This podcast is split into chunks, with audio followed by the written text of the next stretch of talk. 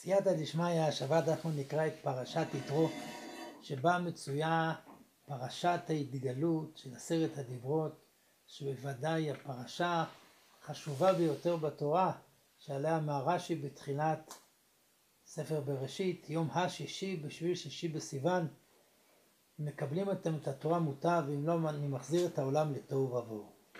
אותה פרשה כל כך גדולה מצויה באכסניה של פרשת יתרו. לכאורה תמוה, האם לא היה מן הראוי לקרוא לפרשת מתן תורה, פרשת ההתגלות, פרשת מתן תורה, או איזשהו שם גדול יותר? מדוע כל פרשת מעמד הר סיני נמצאת באכסניה של יתרו, שהוא כומר שמפתה מגלים לעבודה זרה? מה המיוחד בעניין הזה של יתרו? אבל יש לנו שאלה גדולה יותר. מדוע משה רבינו מזדווג ליתרו? מה, מה הסיבה שמשה רבינו באמת אה, מזדווג ליתרו? המהר"ל מפראג בגבורות השם פרק י"ט שאל למה לא נשא משה בת ישראל מן המיוחסים כמו אהרון? והוא אומר כך שאין עליך לחשוב כמו שיחשבו הפתאים כי דברים כאלו הם במקרה והנה שמים את הדברים שהם עיקר לעולם שבמקרה, וחלילה לחשוב כך. באמת שאלה, מה הסיבה שמשה רבינו מזדווג עם יתרו? מה, ומזדווג עם ציפורה? אי אפשר להגיד שהדבר הזה במקרה. המהר"ל מסביר שהדבר הזה הוא מאוד מאוד מיוחד, וחייבים לבאר את הקשר המהותי שיש בין משה רבינו ליתרו. כידוע, בתחילת ספר בראשית דיברנו על זה שהיה לנו את קין והיה לנו את הבל. וקין והבל, לו לא היה את זוהמת הנחש, הם היו משלימים האחד את חברו והעולם היה מגיע לתיקונו. כי קין זה מלשון קניין, זה דבר מאוד חיובי וחזק. על הקשר בין קודשא בריחו לתורה אומר שלמה המלך, אדוני קנני ראשית דרכו, בלשון קניין. נאמר קודשא בריחו קונה שמיים וארץ. קניין הוא כוח מאוד חזק. הבל זה ההתבטלות המוחלטת מול קודשא בריחו. ושני הכוחות האלה היו צריכים להשלים את העולם. בגלל חטא האדם הראשון, בגלל זוהמת הנחש, לצערנו הרב, קין רוצח את הבל, וגם קין יורד מעל פני האדמה, כי אין מקומו של רוצח על פני האדמה. בתחילה, בתחילה הוא היה נע ונד, ואחר כך הוא ירד מעל פני האדמה. בשביל להחזיר את העולם לתיקונו, צריך להחזיר את אותם שני כוחות, את כוח הקין ואת כוח ההבל. בזוהר הדברים האלה מפורשים. בזוהר ובראשית, בדף כ"ח כתוב,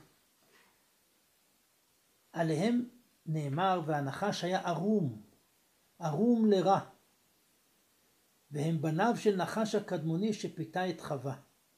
ואז הוא מדבר על ערב רב, יצא קין והרג את הבל רועה צאן, שנאמר בו בשגם הוא בשר, בשגם זה הבל, בשגם ודאי הוא משה.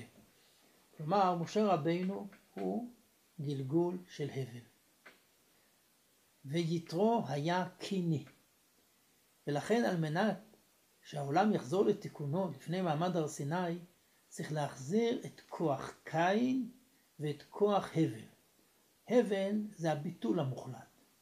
משה רבינו היה עניו מאוד מעל כל אדם אה, עניו מעל כל האדם אשר על פני האדמה. זה אותו כוח של הבל.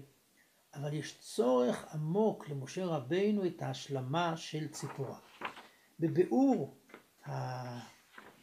הזיווג של משה רבינו עם ציפורה, מבאר לנו המהר"ל באותו פרק בגבורות השם, הציפור זה ביטוי של חיים.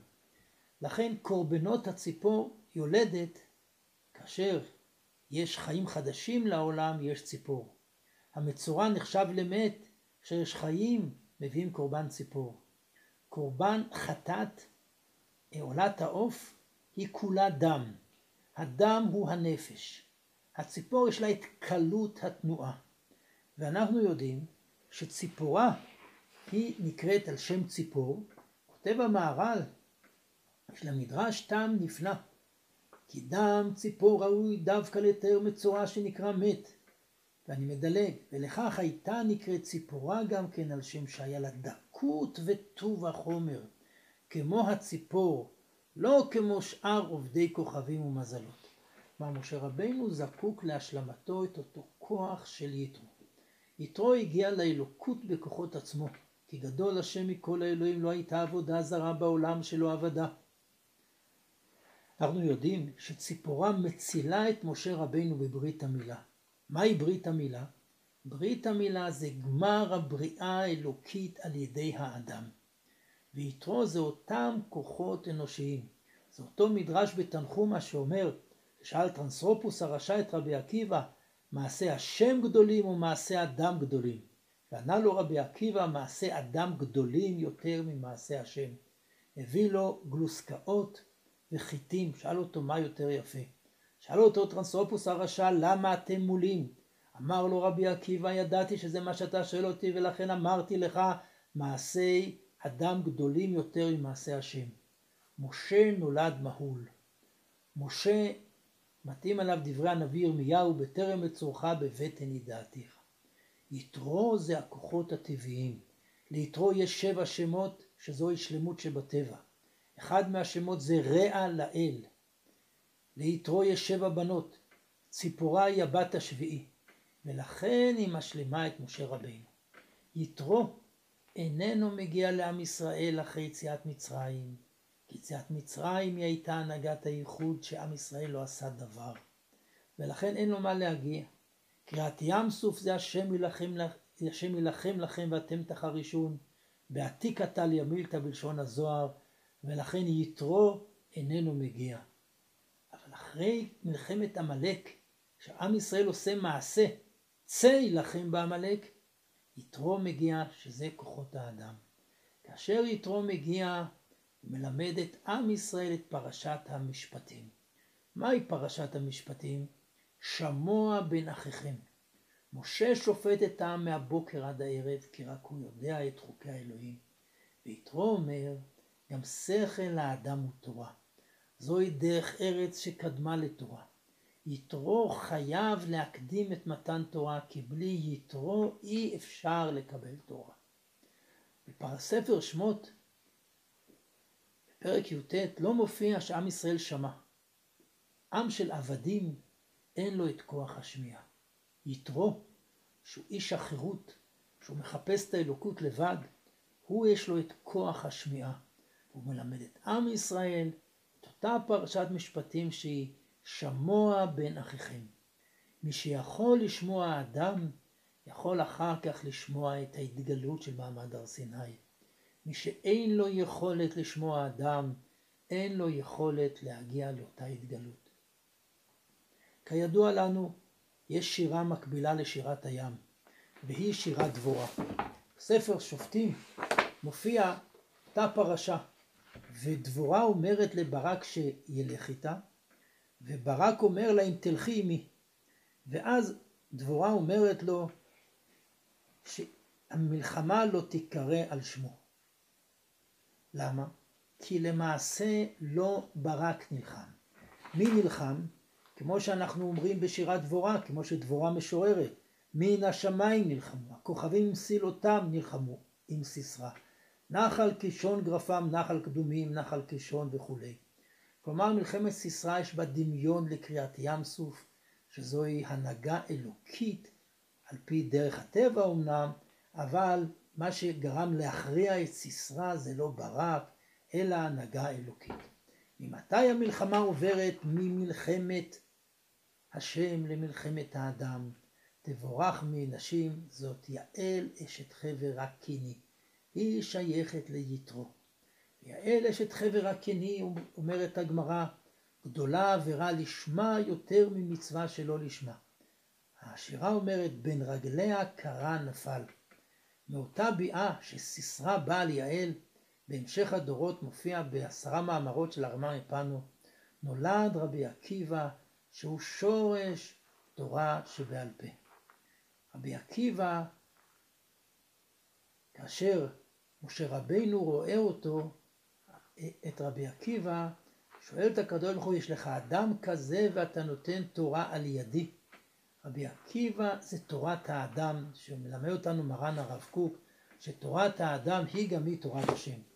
ספר דברי הימים מופיע, כאשר יש שם את פרשת התולדות, בסוף הפרק השני מופיע משפחות סופרים, יושבי יעבץ, טירתיים, שימתיים, סוכתיים. מה אומרת, מה זה משפחות סופרים? זה מי שישב בסנהדרין. הם הקינים הבאים מחמת אבי בית רחב.